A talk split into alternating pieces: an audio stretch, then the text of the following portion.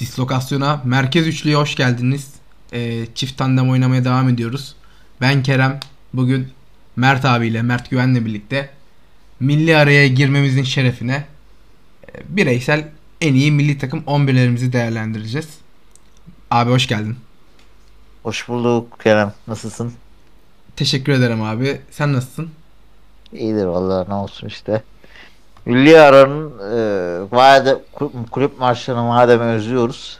Şöyle bir milli takım konuşalım. Bir eski nostaljiye gidelim. Bir umutları konuşalım ya. Bir Letonya falan onları düşüneceğimize.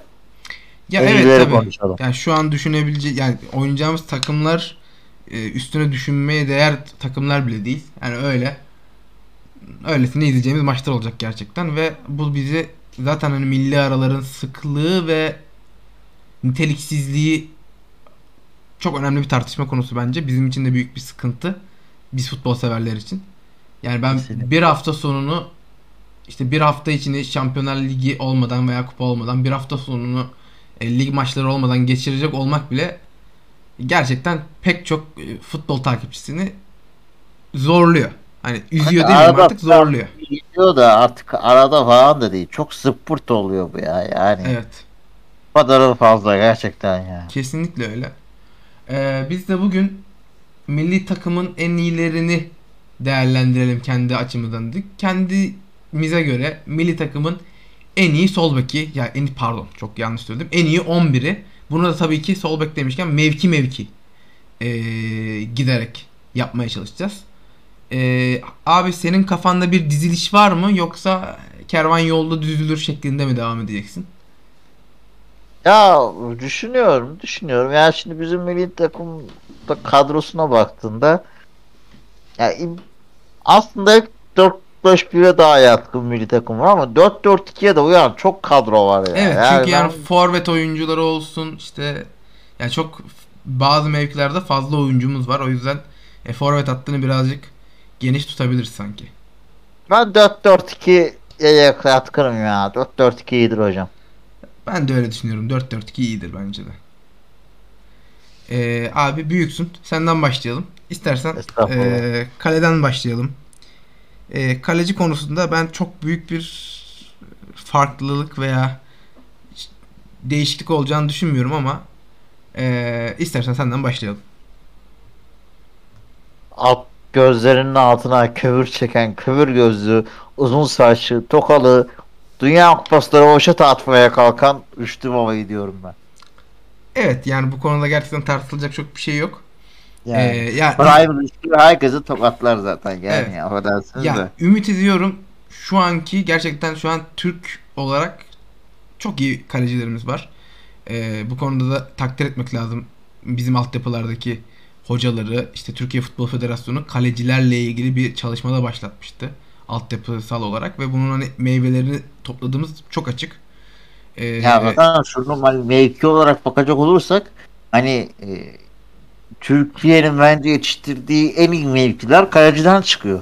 Evet şu an Yani için ben- şu an için gerçekten e, hani Rüştü'nün tahtını sallayabilme potansiyeli barındıran 2-3 tane kalecimiz var. Belki hani fazlasız Aa. olabilir. Hani şu an Daha bile var Ya, tabii. evet. Doğan falan da var Evet yani. evet yani dört büyüklerin üçünün kalecisi, kalecisinde Türk kaleci var. Ee, pek çok Anadolu takımının kalesinde Türk kaleci var. Avrupa'ya Avrupa'da oynayan işte Doğan gibi kalecilerimiz var. Ee, bunlar avantaj. Ee, ümit ediyoruz. Hani Rüştü'yü geride bırakacak bir kalecimiz olur. Geri kalan Abi süreçte. Rüştü o dönem Barcelona'da falan da hani transferi de olmuştu. Barcelona'da da bir e, biraz üzücü bir nokta. Orada kendilerine yapılanları onlar da Rüştü'ye yaptılar ırkçılık boyutunda. Valdez oynasın diye Rüştü'yü yediler ama e, Rüştü baba Barcelona'da kalırdı yoksa. Evet. Ee, peki devam edelim abi. Şimdi kaleciyi Rüştü yaptık. Stoperlere geçelim istersen. Ee, Abi stoperler de bence az buçuk belli ya. Yani biri belli en azından kesin. Yani hangisi belli abi? Ondan başla istiyorsan. Bülent Korkmaz ya. Ya herhalde katılırsın bana. Ha, tabii katıl yani Bülent Korkmaz'ı düşününce insan yanına Alpay'ı da gözü kapalı yazıyor ama e şimdi şöyle de bir şey var. Ee, hani şu anki jenerasyonumuzda ve mesela Euro 2008 jenerasyonunda da çok iyi stoperler vardı. Ben Alpay'ı yazmam zaten yani. Yok. Ya abi sen, Alpay sen de birazcık falan görür. Yok abi hakikaten psikolojik olarak da hani çok e, hani futbolcu futbol barışçıl bir oyun gözüyle bakalım Alpay'ı yazmayalım. Tamam hadi öyle olsun. Ee, Bülent Korkmaz zaten hani yani dünyada Maldini neyse Türkiye'de Maldini'nin olabilecek en eşdeğer insanı Bülent Korkmaz'dır muhtemelen. Adam sargılı omuzla yani UEFA kupasında oynadı yani. Evet, yani. yani yeni terim belgeselini de izledik. Herkesin de gözünün önünde tekrar canlandı o görüntüler. Ee, bir stoper. Bülent Korkmaz. Yani ben de sana katılıyorum. Bu konuda çok fazla e, tartışılacak bir şey yok. İkinci stoper hakkında ne düşünüyorsun? Burada tart yani tartışmalı demeyeyim ama pek çok alternatif düşünülebilir. Çok var ya yani. Bakıyorum ya 2008'de Türkiye'nin herhalde en zayıf olduğu yerler yer stoperdi düşünüyorum. 2008'den kimseye aday bile göstermem. Abi ben bu konuda sana katılmıyorum. Bence Euro 2008 Servet Çetin performansı iyi bir performanstı. Ee, Ser- performansı da hocam daha iyileri var şu, şu an önümüzde. Yani bu kadroya giremezler. Atıyorum yani ben Çağlar'ı daha önde görüyorum şu E, an. katılıyorum abi. Tabii ki de kariyer olarak, milli takım şeyi olarak öyle ama mesela Servet Çetin Euro 2008'e geldiğinde gerçekten kariyerinin en formda döneminde, kariyerinin en iyi döneminde geldi. Servet Çetin 2008'de Galatasaray şampiyon olurken o takımın en önemli oyuncusuydu muhtemelen. Hani e, pek Tamam çok canım orada forvete atıyorlardı. Gol bir de 4-4-2'ye dönüyordu Galatasaray servetler. Evet ya, ya işin, Savunmayı bırakıp bir de ileriye atıyorlardı. evet evet işin hücum tarafında verdiğin yanında savunmada da gerçekten ya, takımın en iyisiydi gerçekten o sezon. E, bunu işte e, birinden duymuştum hatırlayamıyorum şu an kimden duyduğumu. Yani son maçta sakat Gençler Birliği Oftaş maçında e, şampiyonluk kutlamalarında arkadaşları serveti omuzlarında taşıyor. Hani bu şampiyonluğun en büyük şeyi sensin gibisine. Yani o kadar şeydi. Neyse e, çok da uzatmayayım bu konuyu. Servet Çetin'in ben Ama işte orada rakipleri çok hocam yani. Evet evet. Biraz- o, o, o konuda Yani katılıyorum. daha iyi rakipleri çok. Yoksa Yani yoksa Euro o- 2008'de mesela en zayıf karnımız stoper miydi? İşte ben orada mesela Servet Çetin özelinde bir haksızlık yapıldığını düşünürüm.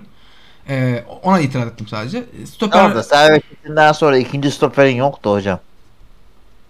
Evet ya işte Gökhan Zan vardı, Emre Güngör vardı, Emre Aşık Gökhan vardı. Beşiktaş'tayken de beğenmezdim. Cam adam Gökhan Zan dediğin adam. Evet. Emre Aşık zaten hep böyle bir standardı olan bir Evet. oyuncu. Emre Güngör vardı galiba. Onu beğenirdim ama asla düşünülmedi. Evet. Ya o da işte o turnuvayı inanılmaz sakatlıklarla geçirdik ya abi. Herkes oynadı yani. Düşün. Hakan Balta'yı çekildi. Evet. Şey mi çık bir maça biz Euro 2016'da mıydı o? Hakan, Evet, Hakan Balta, Mehmet, Mehmet Topal tandemi. Abi işte bize o zaten turnuva Yavuz gibi bir tandem. Neyse girme oraya. Aynen girmeyelim. Tamam. İyileri konuşuyoruz. Kötülere odaklanmayalım. Stoper'in yanına o zaman Bülent e, Korkmaz'ın yanına Çağlar Söyüncü'yü mü yazıyorsun? Bence öyle. Sen Vallahi abi yani şu an iyi bir e, stoper nüvemiz var. E, hani şu an Çağlar Leicester'da da sıkıntılı bir süreç yaşıyor. Oynamıyor, oynatılmıyor. Ama yani bana kalırsa şu an bu çok iyi seviyedeki 3 stoperimizden en iyisi Çağlar. E, Merih bir ara bir düşüş yaşamıştı. Şu an Atalanta'da sürekli oynuyor. Sen zaten İtalya Ligi'ni yakın, yakından takip ediyorsun. İyi de Atalanta'da. oynuyor. ayın oyuncusunu aday Evet, gösterdi. evet iyi de oynuyor. Formda da bir oyuncu. Ee, hani buna daha al- ben çok aldanmadan e, genel oyuncu profiline ve e, çıkabileceği yüksek potansiyele biraz bakmaya çalışıyorum. Çünkü yani Çağlar Söyüncü de söylentilere göre şu an Atletico Madrid'de gidecek gibi gözüküyor. E, sözleşmesi bittikten sonra. Neyse e, ben de sana katılıyorum. Çağla Merih dememin sebebi bu arada Bülent'le daha iyi tamamlar gibi geldi bana Çağla. Merih'le Bülent biraz aynı tarz oyuncular evet, ya. Biraz evet, biraz fazla mı kazma kalırız? hocam. Evet, biraz fazla mı kazma kalırız bir de savunmadan çıkarken Evet. falan.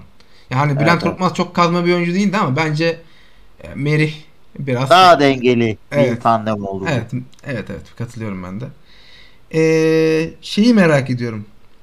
Şimdi yani sol beke geçelim istersen çünkü ben sağ bekte çok karar veremediğim için önce sol beke geçelim diye düşündüm. Sağ bek bence karar vermesi en kolay mevkilerden biri. Türkiye'nin sağ beki bence bir tane oldu. diyorsun. Peki. Ee, söyle bakalım abi. Sol bek tercihin kimden yana? Sol bek mi? Sol bek abi sol bek tarafsız gözle bakamadığım için muhtemelen Rıdvan diyebilirim ama yani iki gözümün çiçeği Rıdvan Yılmaz Ama işte hani milli takıma verdiklerine de biraz da bakmamız gerekiyor tabi. verdiklerini düşünelim mi? Yani ka- milli takım kariyerine baz alacak olursak tamam. O zaman aşk o zaman Ergün Pembe ya. Abi ben de Hakan Ünsal diyorum. Ee, zaten hani bu ikili arasında Ee, ki ben hani burada yine Fatih Terim belgesinde tekrar adı geçtiği için o ismi de zikretmek istiyorum. Ben Abdullah Ercan'ı da çok beğenen ve e, ya bu ikilinin seviyesine oldukça yakın. Bu ikilinin liginde bir sol bekti. İşte e, Fenerbahçe'de oynadı, Beşiktaş'ta oynadı Abdullah Ercan. Çok oynarken de sevmezdim. Ergun Hava'yı da severdim. Çok mükemmel bir insandı. Ee, mesela ben e, çok eleştirilir ama Ümit Özat performansı. Ben o kadar eleştirilecek bir oyuncu değildi Ümit Özat. Evet. Ümit Özat gerçekten çok iyi bir oyuncuydu bu arada. Bence hani Ergün'le Ümit arasında kalmıştım ben bu arada Hakan Ünsal yerine. Hı hı. Çok da be hatta İbrahim Üzülmez de Prime İbrahim Üzülmez de sol bekte iyi bir görüntü çizdi. Yani üçü de bence o dönemin e, milli takımda önemli e, sol bek performanslarıydı. Evet. Ben tercihimi. Ergün'den. Benim de tercihim Hakan Ünsal'dan yana abi. Sağ bekte bizim bir tane sağ bekimiz olmuş. Kim o? Merak ettim bu kadar iddialı açıklamayı. 77 de o. Efendim? Ha 77 anladım tamam. Gökhan Gönül yani. Başka var mı sence? Önerin var mı senin? Abi şimdi e, hem e, 2002 Dünya Kupası'nda sürekli oynayan hem e, Galatasaray'ın yine işte o UEFA döneminde oynayan devamlı Fatih Akgel mesela. O da çünkü Avrupa falan da yaptı. Yani o düşünülebilir diye düşünüyorum. Çünkü yani milli takıma katkıya bakıyoruz biraz. Çünkü Gökhan Gönül'le milli takım ne yaptı? E, Gökhan Gönül o Euro 2008'de yoktu. Euro 2016'da Nasıl yoktu ya? Euro 2008'de abi Sabri Hamit ikilisi dönüşümde oynuyordu sağ bekte. Hayır Hamit kanatta oynuyordu. Gökhan sakatlandıktan sonra Sabri oynadı diye hatırlıyorum ben ya. Öyle mi? Ben belki ben yanlış hatırlıyorumdur abi. Yani Gökhan vardı 2008'de. Hatta Hamit'i hoca 8 numara falan oynatıyordu. olabilir Yanlışım abi. varsa e, güzel tabii de. Hemen abi kontrol etmeye çalışıyorum. Ee, abi Euro 2008'de turnuvaya katılamamış Gökhan Gönül. Kamptan ayrıldı diye hemen haber çıktı önüme. Hani ben o turnuvada yok diye biliyorum Gökhan Gönül'ü. Aa, Galiba ben- yok. Ama hocam tamam milli takım kariyeri yoksa e, 2008'de yoksa bir şey diyemem ama hocam adam Barcelona'dan teklif almış adam ya yani. Bilmiyorum. Yani tam olarak ben Fatih Akgel açıkçası performansında çok hakim değilim. Hı hı. Yani çok da hatırlamıyorum benim gözümde Fatih Akgel. Hatta sorsaydım mesela 2002'de sağ bek kimdi diye onu da hatırlayamazdım. Ee, onun için de belki de hani şey Gökhan Gönül net diye çağrıştırıyor olabilir. Hı hı. Ama hani, bence Türkiye'nin izlediğim, hatırladığım en iyi sağ beki bu topraklarda yetişen bence Gökhan Gönül. Milli takım katkısı üzerinden bakacaksak e, Fatih yazabiliriz o zaman. Evet.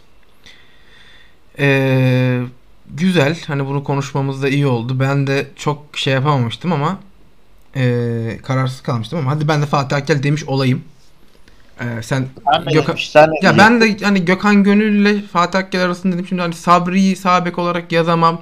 Öteki taraftan başka bir düşünce de daha vardı aklımda. Onu Ya ben Gökhan diyecektim. Hani sen Fatih Akgel dedin diye şimdi Fatih Akgel dedim ben. anladım. Ben Tamam. Gökhan değil. Sen Gökhan Gönül de ben de Fatih Akgel demiş olayım hadi.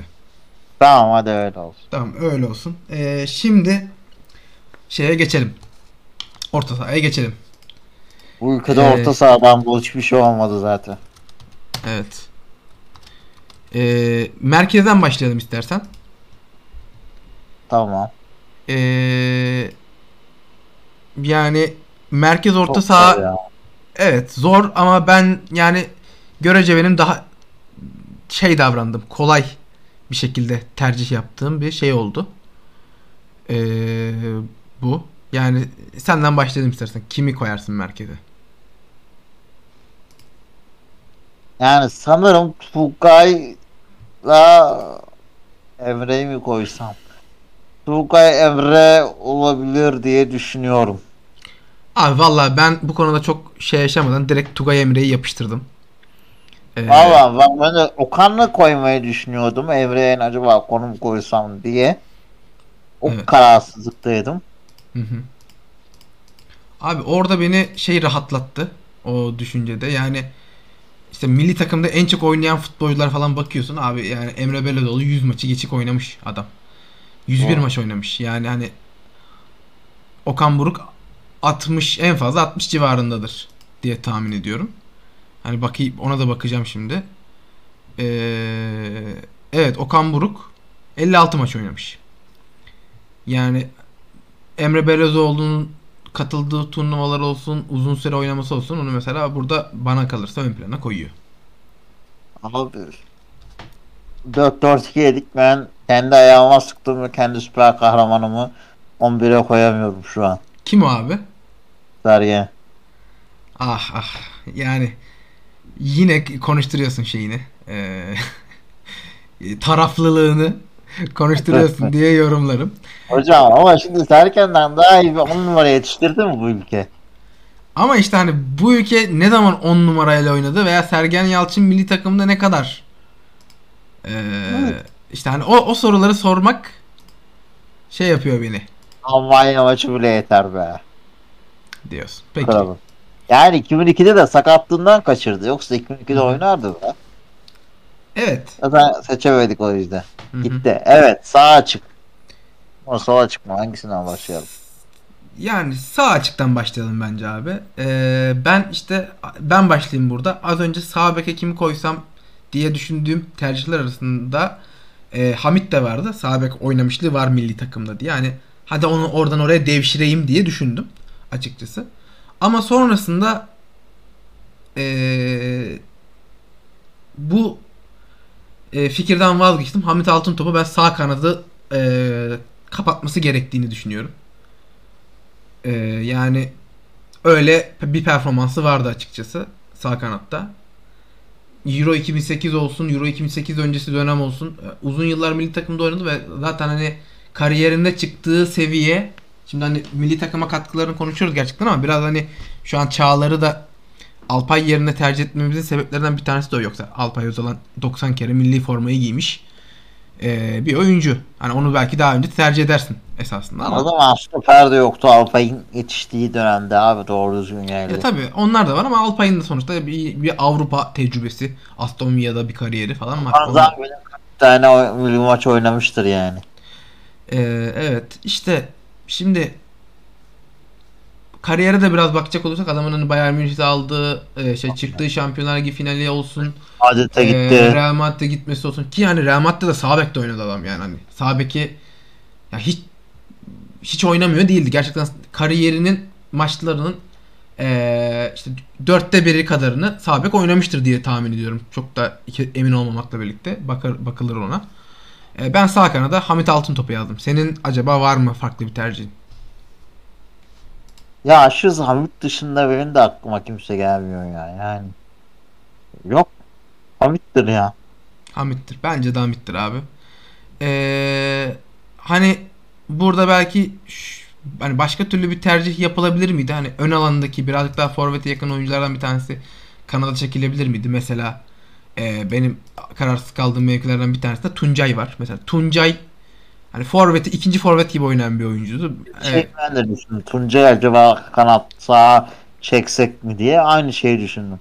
evet hani bu olabilir mi? Hani mesela öyle olursa bana kalırsa Hamit'i sağ beke çıkıp Tuncay'ı sağ kanada çekmek e, olabilecek mantıklı tercihlerden biri olur herhalde.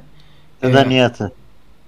Evet Nihat da olabilir ama yani ben Nihat yine e, Tuncay'ın kanat oynama e, becerisini veya kanat oynayabilirliğini Nihat'ın kanat oynayabilirliğine tercih ederim tüm kariyeri boyunca. Çünkü. Nihat gerçekten öyle. çok daha net bir merkez oyuncuydu ve çok daha hani golcülüğünü oradan konuşturan bir oyuncuydu. E, biraz hani o yüzden Nihat'a e, hak- haksızlık değil de saygısızlık olur gibi düşündüğüm için. Doğru. Ee, sol kanat konusunda da ben çok tartışmalı bir durum olduğunu düşünmüyorum. Sen ne düşünüyorsun sol kanatla ilgili? Ya, o da güzel bir gündem aslında. Ne yazık ki bence tartışılacak çok bir taraf yok. Evet. e, yani, Yani. milli takımda mevcut e, itibariyle hani futbolda Peki 2008'deki haliyle kalsaydı. evet. Veya hani Euro 2016'ya götüren Arda Turan olarak kalsaydı. Euro 2016'da batıran veya Euro 2016'da o kavgaları yaşayan Arda Turan'dan ziyade olayları. Hatta önce de, de Arda yavaş yavaş sıkıntıları vardı. Yani 2010'dan sonra çok değişmeseydi öyle kalsaydı temiz bir yani Atletico'daki Arda olarak kalsaydı falan yani iyiydi be. Evet. Ee, ama yani ne olursa olsun Arda Turan hem kariyeri hem milli takıma kattıkları yani 100 100 maça çıkmış şu an Ee, mevcut oyuncular arasında en çok milli formaya giren oyuncu konumunda. Ee, en çok milli takım forması giyen 5. oyuncu konumunda. Futbolda bugün bıraktığı için artık bunu rahatlıkla söyleyebiliriz. Ee, me- de keşke güzel olsaydı ama Evet keşke. Yani mevcut oyuncular arasında ona en yakın e, aktif futbolu devam eden 77 maçta Burak Yılmaz ve 72 maçta Hakan Çalhanoğlu var. E, Burak Yılmaz'ın yaşını göz önüne alırsak onu tehdit edebilecek gibi gözüken şu an en yakın Hakan Çalhanoğlu var. Onun dışında da 10 numarayla oynadım. Hakan 10 numara işte. evet. Bak biz o- Ya evet. almadık. Ama almayalım o zaman. Bence de almayalım abi. Yani ben zaten Emre Belezoğlu, Tugay görmüyorum. Evet Emre Belezoğlu, Tugay Kerimoğlu varken e, almam maalesef. E, Hakan Çalhanoğlu kusura bakmasın. Çok yani severim, beğenirim de. Öyle çok e, gömenler arasında değilim ama e, bu konuda böyle düşünüyorum. Geldik Zurna'nın zırt dediği yere. Bence kesinlikle Forvet. burada ayrışacağız. Bence de ayrıştı abi. Hani ayrışmalıydı zaten. Çünkü milli takımın en çok e, şeyi barındıran e, nasıl diyeyim farklı hem futbol görüşleri olsun hem şeyleri barındıran mevkisi burası. Yani bana kalırsa yine bir oyuncu hakkında çok fazla söylenecek bir şey yok. Ee, Bence var ya ben o bir oyuncunun oyunculuğunu da sevmezdim çünkü. Evet milli takım kattıkları gol rakamsal olarak çok yüksek ama kendi takımında oynatmazdım. Hakan Şükür'ü eğer konuşacaksak. Evet abi milli takımda abi Türkiye Süper Ligi'nin tarihinin en çok gol atan oyuncusu. Ee, milli takımların en çok gol atan oyuncusu. Ee, ki yani evet oyuncu profiliyle işte oynadığı süreyle vesaire hani bunu belki şey yapabilirsin işte ortalamaya vurarak şey yaparak falan ama ya abi adam 38 yaşında 11-12 gol atıyordu hala. Yani öyle söyleyeyim. Ve hani hiçbir zaman kariyeri boyunca çok iyi bitirici vuruşu olan çok net bir striker olmadı Hakan Şükür. Hep böyle hazırlayan bir tavrı da vardı. Böyle pozisyon almayı iyi bilen, hazırlayan, kafayla arkadaşını indiren falan. Ee, bana kalırsa Hakan Şükür yani şu günün futbolunda o zamanki futbola göre yani bu şu günün futboluna adapte olsa birazcık daha o zamanki gördüğünden daha fazla tüm dünyada değer gören bir futbolcu haline gelebilirdi diye düşünüyorum ben. Yani tüm bu karakterinden, şeyinden, yaşadıklarından, siyasi ve işte hatta yani va- vatan haini konumuna düşmesini kenarda bırakarak söylüyorum bu, yor- bu yorum yapıyorum. Bence yani yani milli takımlar da en fazla gol atan oyuncular da Hakan Şükür 51 gol, ikinci Burak Yılmaz 31 gol. Yani arada böyle bir fark varken üçüncü 22 golle Tuncay Şanlı iken Tam Burak'a da ama hocam bu arada. Yani ben Hakan Şükür'ü e, gözüm kapalı yazarım da ikinci konusunda tartış veya benim de kafamda soru işaretleri var. Senin ilk tercihini alayım o zaman. Ee, yardımcı forvet olarak mı? Bakalım. Valla ben Hakan Şükür'ü bir, birinci forvet olarak yazdım ya. Hani bilmiyorum çift forvete nasıl kurgulayacağını senin seçtiğin iki oyuncuya bağlı olsun hadi. O zaman ben de e, Nihat diyorum. Nihat Kahveci. Güzel bir tercih. O da e, milli yani milli takımlarda en çok gol atan oyunculardan bir tanesi. 19 golle. Goller de attı.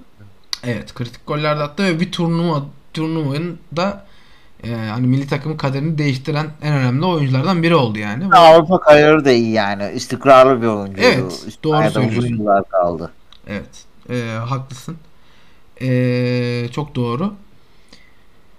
E, yani ikinci tercihim konusunda ben de şeyim hani Nihat, Tuncay ve Burak Yılmaz arasında gidip geldim. E, ama ben e, yani muhtemelen yine Burak Yılmaz'ı tercih edeceğim. Çünkü e, yani hem gol sayısı olarak diğerlerinin üzerinde hem de e, yani geç başlamış bir kariyer falan olmasına rağmen ben Burak Yılmaz kariyerinin büyüklüğünün de özellikle e, Lille Paris Saint Germain'e karşı alınan şampiyonluktaki bir numaralı hücum oyuncusu olması dolayısıyla işte önce Türkiye Süper Ligi'nde Trabzon'la yaptığı sonra Galatasaray'la sonra tekrar Beşiktaş'a Trabzon'a gelerek yaptıkları vesaire vesaire. Sonra Avrupa'ya gidip bu sefer 35-36 yaşında Avrupa'da bu kadar e, damga vurabilmesi. Ulan daha erken gitseydi bu adam ne yapabilirdi acaba sordurtması bize. E, ben hani Burak Yılmaz'ın kariyerine ve milli takımda yaptıklarına e, bir saygı duruşu olarak Burak Yılmaz'ı da buraya koymayı düşünüyorum. Hani öteki tarafta senin söylediğin Nihat ve Tuncay onlar da tabii ki yurt dışına çıktılar. Yurt dışında ülkemizde iyi temsil ettiler. Milli takımlarda da daha başarılı dönemlerde daha fazla imza attılar. Ben Ya de mesela- sana onu diyecektim Evet, ya. yani Burak mesela- Yılmaz'ın işte Evet. katkısı ya gol rakam var ama Burak Yılmaz Euro 2016'da başarıya götürdü bu takımı. Hayır. Evet yani Sorunları- öyle diyorsun da mesela işte mesela Çek, adam. Çek, Yani ya bir tane maç kazandık o turnuvada. Çek Cumhuriyeti maçı. O Çek Cumhuriyeti maçında Burak Yılmaz sayesinde kazandık. Ve yani tamam turnuva ve yani- kötü gidişin ana sebeplerinden biri de Burak Yılmaz'dı. ya işte bence bir mi yani ben mesela o turnuvadaki başarısızlığı Burak Yılmaz'ın önünde yazacağım belki 10 isim vardır. Abi prim kavgası kimden çıktı? Yani a- bir yani ben bence en az 7-8 kişilik bir oyuncu grubundan çıktı. Yani bir kişiden çıkmadı. Ve yani hani o oyuncu grubunun İçeride içerisinde Burak da vardı. e, tabii ki de vardı. Çünkü onlar bir gruptu, arkadaş grubuydu. Karan grubu. Evet. E, yani mesela Gökhan Gönül de vardı o grubun içinde. Çok hani Var. şeyiyle az önce mesela iyi karakteriyle andığımız Gökhan Gönül de vardı ki yani Fenerbahçelilerin çok iyi karakteriyle andığını sanmıyorum. Sabit alternatifi yok ama işte Türkiye'nin Evet. hani ben hani daha iyi sabit olsaydı Gökhan'ı saymazsaydım zaten. Hı hı. Ama santro golcülüklerde var yani bu, Evet. bu, seçenek. Evet e, işte bir de yani şunu ben yatsımamak gerektiğini düşünüyorum. E, yani biz Euro 2020 20'ye giderken Burak Yılmaz'ın giderken özellikle ama Burak e, Euro 2016'ya giderken de 2020'ye giderken de Burak Yılmaz'ın skorun sayesinde e, ekmek yediğimizi düşünüyorum. Yani biz iki turnuva o iki turnuvada başarısız olduk. Kabul. Ama o iki turnuvaya gidebilmemizi sağlayan önem, en önemli oyunculardan biriydi Burak Yılmaz golleriyle. Bunu yatsımamak gerektiğini düşünüyorum. Milli takım katkısı olarak da. Bir de e, Ya- yani bu iki turnuvada bir tane maç kazandık. Onu da Burak Yılmaz sayesinde kazandık bence. Çek Cumhuriyeti maçının kazanmamızdaki en önemli etken Burak Yılmaz'dı.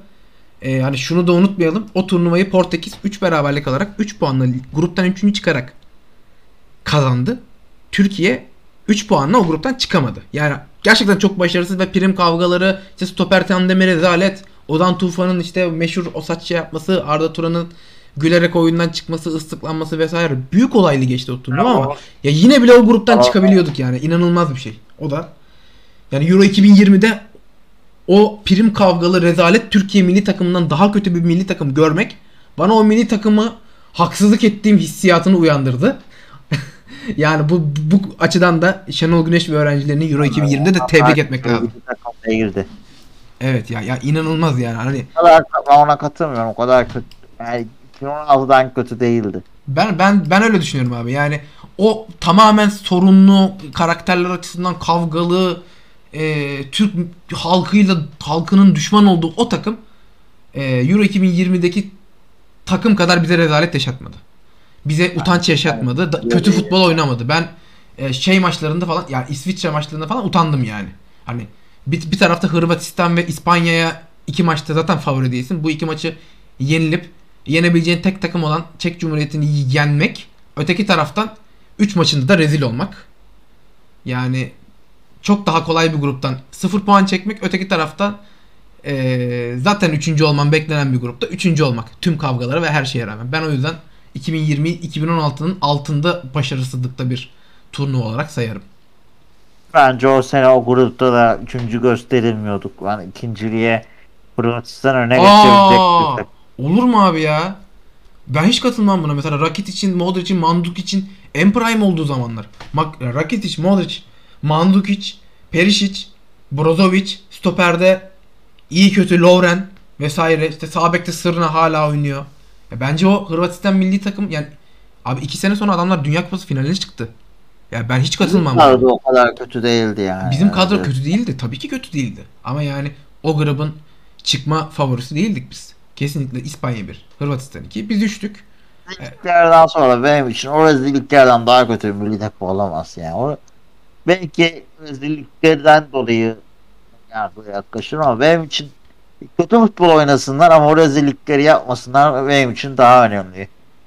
Ya abi o konuda haklısın ama yani e, günün sonunda Avrupa'daki puanını lig Avrupa'da e, şey dünya e, ülkeler sıralamasında kaçıncı sırada olduğunu veya bu turnuvayı başarılı veya başarısız geçirdiğini, senin maçlarını izleyen takımların senin futbol kaliten hakkında ne düşündüğünü belirleyen şey senin sahada ortaya koyduğun ve ya Türkiye milli takımı Dark Horse beklentilerin e, şey yapılan işte hani gruptan çıkabilir, belki ilerleyebilir, çeyrek yarı yapabilir beklentilerinde olup da e, rezil olarak sıfır çekmesi. Yani bence o e, çok büyük bir şeydi. Hani çok büyük Bence bu ayrı bir uzun bir bölüm konusu. bence de. Katılıyorum katılıyorum. Yani ben şu Çünkü bence bu biraz da bizim kendimizi dev aynamızda görmemizden kaynaklanıyor. ben sadece O kendimizi 20'de o kadar kendimizi beklentilerimizin yüksek olmasında. Abi bence hani sadece biz değil bence Avrupa medyası da bizden eee, beklentisi vardı. Çünkü zor bir grupta iyi takımlarla çata çata oynayarak işte hatta yani eee, Avrupa Şampiyonası elemelerinde falan çok iyi sonuçlar al- alarak gelmiştik oraya. Her, her ne kadar Avrupa Uluslar Ligi'nde küme düşsek de işte Hollandaları Hollandaları yenerek gelmiştik hatırlarsın. O Dünya Kupası'na gelmeden önce. Şu takım formda da gözüküyordu. Eee yani herkes Türkiye'den bir şeyler bekliyordu. İşte mevcut kadrosunun işte gençliği olsun kadrosunun pek çok oyuncunun Avrupa'da gelecek vadeden profilde bulunması vesaire vesaire. Ee, yani gittik turnuvaya kendimizden beklentimiz yüksekti. Gruptan çıkma beklentisiydi. Grubumuz da görece kolaydı. Bir önceki senedeki gruba göre tekrar altını çiziyorum. Bir önceki turnuvadaki gruba göre. E, çok başarısız olduk. Bir önceki turnuvada beklentimiz bu kadar yüksek değildi prim kavgaları dışında aldığımız sonuçta e, beklentilerimize yakın bir sonuç oldu. Bence o yüzden sonuç olarak ve oynanan futbol olarak hani ya içerik ne kadar kötü olursa olsun Türkiye milli takımı Euro 2020'deki kadar aciz değildi Euro 2016'da diye düşünüyorum ben. Haklıyorum. Bunu ayrı bir zamanda uzun uzun konuşalım. Tamam. Program Ee, konusu. Evet yani ben ikinci forvete de e, bu turnuvalara katılmamız yolunda attığı gollerle bize çok büyük destek veren Burak Yılmaz'ı yazıyorum. E, milli takımdaki milli takımlar tarihimizin en golcü ikilisini ileri forvete almış bulundum. Sen ikinci oyuncu olarak kimi yazıyorsun abi? Ee, Bence Türk milli takımının en kritik golünü atarak tarihinin en büyük başarılarından birini yakalamasını sağlayan altın golcü İlhan Mansız. Şimdi abi İlhan Mansız'ın milli takım kariyerinde neler yaptığına bakmaya çalışıyorum. E, kaç milli takım maçında forma giymiş ve kaç gol atmış Hocam 2002 Dünya Kupası'nda yaptıkları bana yeter. diyorsun. Zaten sonrasında İlhan Mansız futbol kariyeri de çok uzun soluklu olmadı ki. Yani 2002'den Doğrusun, sonra zaten 2004'te Beşiktaş'tan gitti. Hı hı. Güney Kore'de zaten sakatlandı. 2006-2007'de futbolu bıraktı İlhan. Evet. Yani Yani Haklısın, o ara zaten haklısın. milli takımda bir şey yoktu o ara zaten. İlhan'ın sakatlıkları. İlhan'ın prime döneminde çıktı. Bize Dünya Kupası'nda attığı gollerle Roberto Carlos'a çalım attı. E, Gitti altın gol attı. Gitti Güney Kore'yi yendiğimiz maçta da bir gol attı. hı hı. Bence yeterli yani bu katkısı. Daha iyi, iyi başarı getiren bir golcümüz oldu mu? Milli takımda. Burak onun yaptı, verdiği katkıyı sağladı mı o kadar çok gol atmasına rağmen? Sağlamadı. Bence. Evet e, abi e, saygı duyarım şeyine. Baktım şu an istatistiğine de 21 e, maç 7 gol. Fena değil. E, şey İlhan Mansız'ın kariyeri senin de söylediğin gibi yani e, happy topu 10 sene sürebilmiş bir kariyer. Bu üzücü açıkçası. E, şunu e, hani unuttuğumuz, atladığımız bazı oyuncular var. Burada değerlendirdik. Mesela az önce Tuncay Şanlı gibi. Bence Mehmet Yedek kadrosu çıkaralım bence hızlı hızlı ya. Tamam abi hemen hızlı bir yedek kadrosu atalım. Ee, ben- Hocaya kim dersin? Bu arada abi hoca? ben hocaya Fatih Terim derim ya. Hani ee, iki Avrupa Şampiyonası var. Bir tanesinde şey olduğumuz. Ya zaten Fatih Terim ile Şenol Güneş arasında kalırsın. Ben hani son Şenol Güneş döneminde o turnuvayı inanılmaz eleştirdiğim için Şenol Güneş benim nezdimde çok e, şey kaybetti. Benim gözümde. Ben o yüzden Fatih Terim'i Şenol Güneş'in önüne koyuyorum. Ben de 2016'dan dolayı Fatih Terim'i daha geriye itiyorum ama Fatih Terim'in bir de 96'daki başarısı Evet var. tabii 96'yı unuttum. Çok haklısın. O belki bir adım öne koy. Bir de şey var. Hani Ama hocam 96'yı da hiç hatırlamıyoruz ya. Yani Evet, izlemedik. Doğru yani. hatırlamıyoruz ama hani şey var ya. Abi şey var ya hani mesela Fatih Terim belgeselinde sen 3. bölümü falan izlemediğin için şey yapar e, şu an belki söylediğime biraz Fransız kalıyor olabilirsin. Ya o milli takıma o milli takımda görev almaya başladıktan sonra Anadolu'ları Anadolu'yu gezip pek çok oyuncuyu keşfeden, milli takıma ilk davet eden, sonra o jenerasyonla Akdeniz e, olimpiyatlarını kazanan, sonrasında o milli takımı nüvesiyle e, milli takımda başarılar yakalayan, sonra o milli takımdaki pek çok oyuncuyla birlikte kulüp takımıyla başarı yakalayan, sonra Euro 2002'ye giden nüvenin büyük çekirdeğini kendisi zaten oluşturmuş olan çekirdekten hatta yani altyapıdan falan bulup pek çoğunu yetiştirmiş olan, pek çoğuna dokunmuş, pek çoğuna yıllarca hem milli takımda hem Galatasaray'da beraber oynamış olan. Ya o 2002 gerçekten yani Şenol Güneş'in başarısını küçültmek değil tabii ki bu. Çok iyi bir turnuva geçirdi Şenol Güneş'te. Ee, veya işte 2020'ye kadar olan süreçte bizi Euro 2020'ye katıl katılmamızı sağlaması da bence iyi büyük bir başarıydı. Ben bunları yatsımıyorum. Ama yani Euro 2002 e, başarısına Fatih Terim'in pardon e, 2002 Dünya Kupası başarısına Fatih Terim'in ben katkısı olduğunu düşünürüm. Yani sen de düşünürsün muhtemelen. Herkes düşünür. Vardı çünkü. Hem önceki milli takım teknik direktör olması hem hepsini altyapılardan itibaren birlikte çalışması, yetiştirmesi, kulüp takımında şans vermesi. E, 2002'ye katkısı var ama Fat, e, Şenol Güneş'in Fatih Terim'in milli takımdaki başarılarına katkısı ne kadar var? Mesela Euro 2008'e veya Euro 2016'ya Hocam aralarında kaç yıl var ama arka arkaya gelmediler ki. İşte hani yani Türk milli takımının 4 tane büyük başarısı varsa 5 tane büyük başarısı varsa son bizim Ya, hayatımızın başarı bence Kunst bir başarı elde ederse bunun bir kısmı da Şenol Güneş'e yazar. Ya, t- doğru. K- Katılırım ama yani işte Ya bu kadroyu oynatan neticede biraz şu anki jenerasyonu elde eden de yani Şenol Güneş'ti düzenli şans veren. ya ama işte mesela o belgeselde de bahsediyor. Yani Fatih Hoca gidip Abdullah Ercan'ı amatör lig takımından milli takıma davet etmiş. Hani milli takıma amatörden davet edilen tek futbolcu olmuş Abdullah Ercan. Hani e, o, o gün çıkıp o günün şartlarında Anadolu'yu karış karış gezip işte yok doğudaymış bizi kimse keşfetmez bizi kimse görmez zaten diye korkmayın hepinizi izlemeye geliyoruz gibi bir açıklaması var o günün tarihiyle Fa- Fatih Terim'in ve da o dönemki şartlarıyla şu anki şartlarıyla E, bir evet. belli ki seçeneğin yok elinde. El gidip keşfedeyim madem diyorsun. Şu Abi, an bak katılmıyorum ya katılmıyorum bol abi. Katılmıyorum abi ben bu yorumla e, hiç katılmıyorum çünkü Yani milli Ee, takım ya yarışmacı yerdir. Oyuncu keşfetme yeri değildir. Tamam Kulüpler ama- keşfedecek Ama işte oyuncu. milli takımın altyapısı için yapıyor ya bu çalışmayı. Hani e, Şenol Güneş'in öyle bir aşamada bulunmuşluğu yok. Hani o yani Şenol Ya Güneş'in da milli takımda hani Milli takımın altyapısına oyuncu e, keşfettirmeli mi yoksa kulüpler keşfedip milli takım kullanmalı mı? Bu işte abi ama hani, başka bir e, şimdi alt e, yaş kategorilerinde bir turnuva kazanmak ve bir başarı yakalamak için alt yaş kategorisindeki jenerasyonu oluşturmak lazım. Bu jenerasyonları parçalarını doğru koymak lazım. Jenerasyondaki oyuncuları keşfetmek lazım. Yani sen U18 milli takımı kuruyorken e, kusura bakma birazcık keşfedici olmak olman lazım.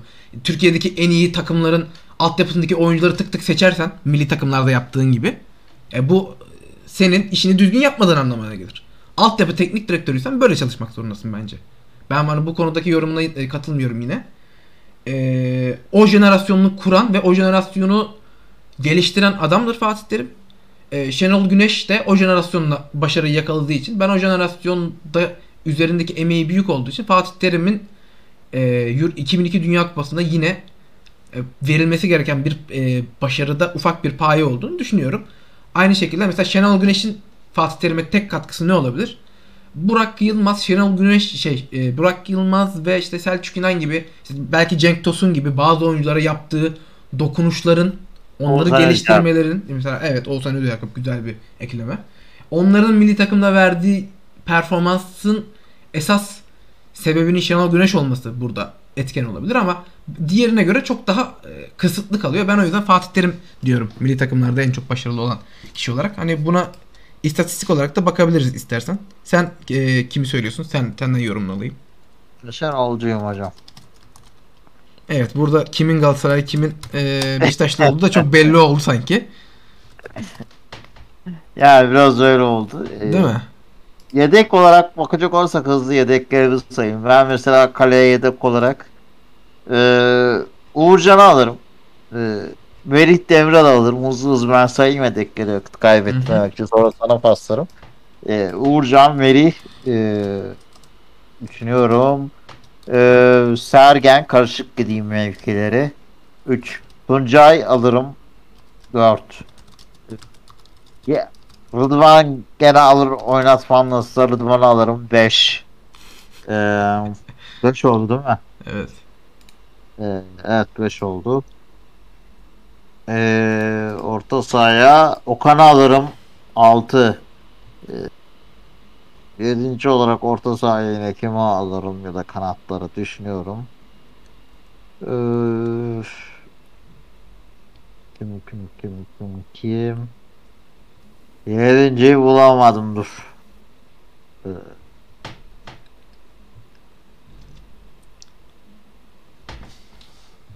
Aa kararsız kaldım ha. Yedinciyi bulamadık değil mi? Dur bakayım. Abi bence mevki mevki gidelim istersen. Ee, onu da hadi şey yapmış olalım birazcık daha ben de şey yaparken senin aklına gelir. Ben ka- kaleden başlayayım. Ben kaleye Volkan Demir'i de koyuyorum abi. Ee, ikinci milli takım şeyine. Ee, sol beke Abdullah Ercan'ı koyuyorum. Stopere Alpay ve Servet Çetin'i koyuyorum. Sağ beke ee, Gökhan Gönül'ü koyuyorum. Senin Sen koyduğun. de 11 kişi mi alıyorsun? Evet evet 11 kişi alacağım. Ben yedekleri koymuyorum. Yedek hani az önceki altın 11 olsun bu da gümüş 11 olsun diye bakıyorum. Yani ben 7 kişilik direkt yedek seçeceğim diye zorladım. anladım. Et. anladım abi tamam. Ha, ben yanlış anlamışım. Ben böyle gittim. Sen de istiyorsan böyle yapabilirsin. Al, Olur olur sen devam et. Ben Tamam. öyle yap.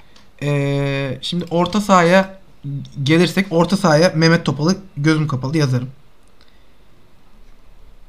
Yanına yanına yazacağım oyuncuda işte birazcık zorlanıyorum. Ee, yani muhtemelen ben buraya Oğuz Çetin'i yazarım. Mehmet Topal'ın yanına. Çetini izledik mi ya biz? Ya abi dinledim ben öyle söyleyeyim. Oğuz Çetin'i dinledim. Ee, hem işte milli takımlarda verdiği katkının da yüksek olduğunu biliyorum ee, şey olarak. İstatistik ve işte e, maç oynama sayısı olarak. Ee, sağ kanada kimi yazarım? Sağ kanada muhtemelen Hamit'ten sonra kim olabilir sağ kanat? Hadi Tuncay Şanlı'yı yazayım. Sol kanada hücumda kullanayım. Ya da sol kanada da Hakan Çalhanoğlu'nu yazayım. 4-4-2 oynamaya devam ettiğim için sadece yapıyorum bunu. Çalhanoğlu. Forvet ikilisi de ee, Nihat ve birbirine uyum sağlar. Semih Şentürk olsun. Güzel. Ee, ben de o zaman senin gibi yapayım. Kaleye Uğurcan. Ee, yedek sağ bek. Bence ee, yok varsa da sağ bek dursun. Stopere e, Melih'i alırım. Hı hı. Hani ben yedeklerde 10 kişi oluyor. Ben 10 kişilik bir yedek kadrosu çıkartayım. Melih'i alırım. Üçüncü olarak ee, Alpay'ı alırsın artık buraya da. Alır mısın? alayım Alpay'ı hadi Al alayım hadi al. Alpay'ı. Al hadi, sana biraz baskı yapmış oldum. Onu sağlar üzerine. hı. 3 Rıdvan 4 Ümit Davala 5 Bravo ya Ümit. Davala. Çok özür diliyorum. Ben eee Tuncay'ı o zaman forvet atıp Semih'i çıkarayım. Ümit Davala abi. Ben Ümit Davala'yı nasıl unuttum? Hayret. Okan Buruk 6 6 Mehmet Topal. Tuncay 7 Yok abi Mehmet Topal yani hiç benlik bir oyuncu değil. Ee, Beşiktaş'ta oynadığı sürelere yazık. Ha? Beşiktaş da verdiği katkıya yazık etti şu an. Çok hakkı verdi kral ya sağ olsun yani. Aynen. aynen. 8 başka başka başka başka düşünüyorum.